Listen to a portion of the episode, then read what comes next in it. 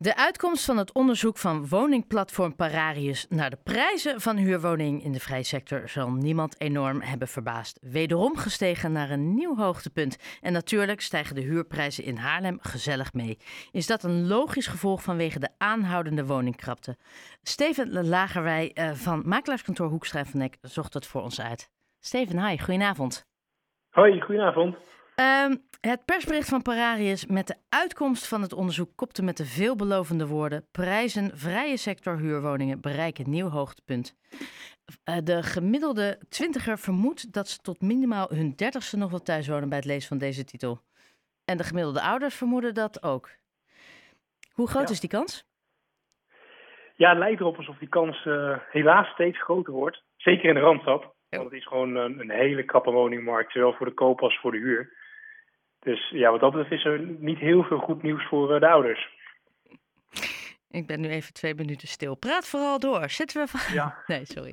Nee, nou, ja, ik, ik, zal het wel positief proberen te houden, want er zijn wel wat uh, lichtpuntjes hoor.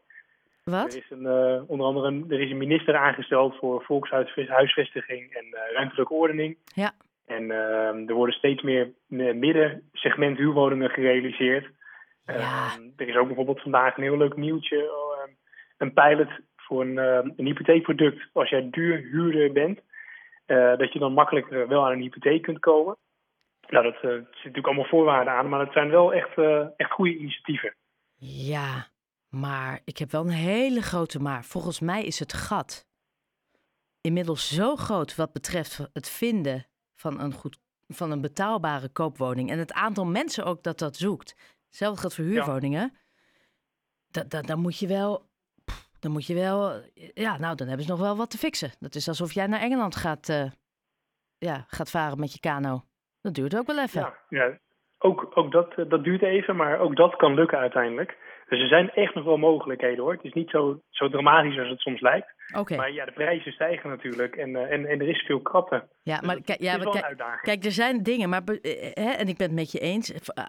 Overal is natuurlijk een oplossing voor en we moeten positief blijven. En het feit dat er nu specifiek een minister voor is aangesteld, is heel goed nieuws. Uh, alleen als, we, als je een betaalbare woning wil, gewoon een betaalbare ja. huurwoning, voordat we dat hebben weten te realiseren, vertel. Ja, dat is heel lastig. Um, en de vraag is ook natuurlijk, wat is, wat is betaalbaar? Hè? Wat is Um, betaalbaar? wat betaal je gemiddeld nu in Haarlem? Ja, dan betaal je voor, voor een appartement onder de 80 vierkante meter. Dus het zijn de ja, appartementen waar je al als alleenstaander of met z'n tweeën naartoe gaat als, als starter. Betaal je 22 euro per vierkante meter. En dat betekent als jij een, eh, een woning hebt van 60 vierkante meter, dat je al drie- 1320 euro eh, daarvoor betaalt. Ja, dat, dat is nogal pittig. En met name ook dat je ziet dat er heel veel grote bedrijven zijn, eh, eh, grote beleggers. En die hanteren een inkomenseis van soms wel 3,5 eh, of vier keer de huur. eh, wat je als inkomenseis moet ei- eis, eh, eh, ja, hoe je daar moet kunnen voldoen. Ja, dan, dan is het wel lastig om zo om daarvoor in aanmerking te komen. Ja, want dan is dus voor een starter is dat pittig, Ja, als niet onmogelijk. Dat is dus pittig. Ja, niet altijd onmogelijk hoor, want ja, naast die, die grote beleggers zijn er ook wel ja, kleinere beleggers of mensen die ja, een deel van hun huis verhuren. En die hebben vaak niet zulke inkomenseisen. Ja. Dus daar liggen wel wat meer kansen. Ja, want eh, hè, er wordt gesuggereerd dat investeerders de markt verpesten door betaalbare huizen op te kopen en voor hoge prijzen te verhuren of inderdaad hele strenge eisen te stellen. Klopt dat? Ja. Nou, kijk, dat, dat, dat investeerders de markt verpesten, dat is vind ik een beetje een populaire uitspraak. En ehm, ja, dit is niet dat daarmee meteen het probleem opgelost wordt. En we willen natuurlijk allemaal dat er opties komen voor betaalbaar wonen. Ehm, als je kijkt naar de cijfers, die heb ik erbij gepakt. Ja. En dan zie je dat in Haarlem vorig jaar werd, werd 8% van de woningen gekocht door een, ehm, ja, een investeerder. Dat valt mee. Dat betekent dat, ja, dat, dat valt mee. En eh, nou, nu heeft Haarlem sinds 1 januari een zelfbewoningsplicht ingevoerd. Ja. En eh, die, die plicht zegt dat je als koper zelf in het huis moet gaan wonen die je hebt gekocht. Dus je mag het niet kopen voor de verhuur. Dus nou, dat percentage van 8% zal misschien nog wel iets verder omlaag gaan. Maar de, ja, de echte oplossing, dat is het niet, eh, vind ik. Nee. Ehm, en wat, wat ook wel gek is eigenlijk daarbij, is dat ehm, er is ook een andere kant van de medaille. Want door die zelfbewoningsplicht heerst er een angst in de markt dat het voor huurders uiteindelijk nog lastiger gaat worden. Want ja, je hebt gewoon het aanbod aan huurwoningen op dit moment. En de, de, de verwachting is dat het aanbod uh, niet heel snel gaat toenemen, doordat particuliere beleggers uh, buitenspel worden gezet. En dan ben je alleen maar weer afhankelijk van die grote beleggers die viermaal de inkomenseis stellen. Um, ja, dus, dus het, het, kan ook een verkeerd effect gaan hebben en niemand weet hoe dat uiteindelijk gaat lopen. Maar het is wel een angst die, die leeft in de markt. Ik hou me heel erg vast aan jouw woorden in het begin, hè? Positief. Er is, is... Positief. Jeetje, ik weet Ja, even ja. niet waar ik dat ga zoeken, maar ik blijf positief. Ehm, Nou, wat ik zei, die, uiteindelijk ligt het eh, in de handen van de overheid of overheden. is een En kwestie van bouwen, toch? gekomen. Is dat, is dat Ja, ja, ja dat, uiteindelijk als je natuurlijk heel weinig woningen hebt, dan stijgen die prijzen. En als je meer woningen hebt, er is meer aanbod, eh, dan eh, kan er beter aan die vraag voldaan worden. En zullen de prijzen minder hard stijgen of misschien wel stabiliseren of dalen. Ja, en- dus er is actie nodig. Er wordt heel veel gepraat in de politiek, maar we hebben minder woorden nodig, maar meer daden. Maar heb jij dan vertrouwen in, in, in een minister die juist zich specifiek gaat richten op volkshuisvesting? Ja, ja, ik moet het nog wel eerst zien hoor. Eh, maar ik vind het te vroeg om, eh, om, om nu eh, hem af te schieten. Ehm, ja, ik ben in ieder geval blij dat er iemand is aangesteld. Dat Ja. die aandacht er is, dat die focus er is. Dat, dat hebben we echt nodig. Nou, dat is vooral dat, ze, dat ook eh, eh, de, het kabinet en de regering zegt, eh, de overheid zegt, er is urgentie. Hier moeten we, hier moet de focus ook op liggen. Ehm, maar Nou klopt, helemaal mee eens. Want ehm, wonen is ook wel een levensbehoefte natuurlijk. Ja. En als dat niet lukt voor een steeds groter wordende deel van onze samenleving, moet je daar. ja, dan is dat wel een probleem. En dan, dan zit jij ook op een gegeven moment nog met je kinderen die dertig zijn bij je in huis. Jeetje, Steven, dank je. Dank je dat je me oh ja, daar even... het positief houden. Ja joh, hey. Ja, Ehm, ja. ja, Goed, heb jij kinderen?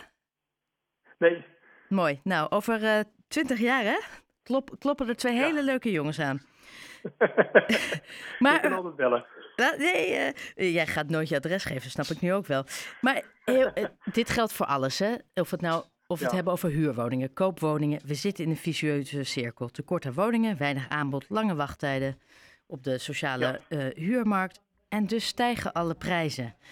Maakt het dan nog uit of ik in Amsterdam woon, of ik in Utrecht woon, of diep in Drenthe?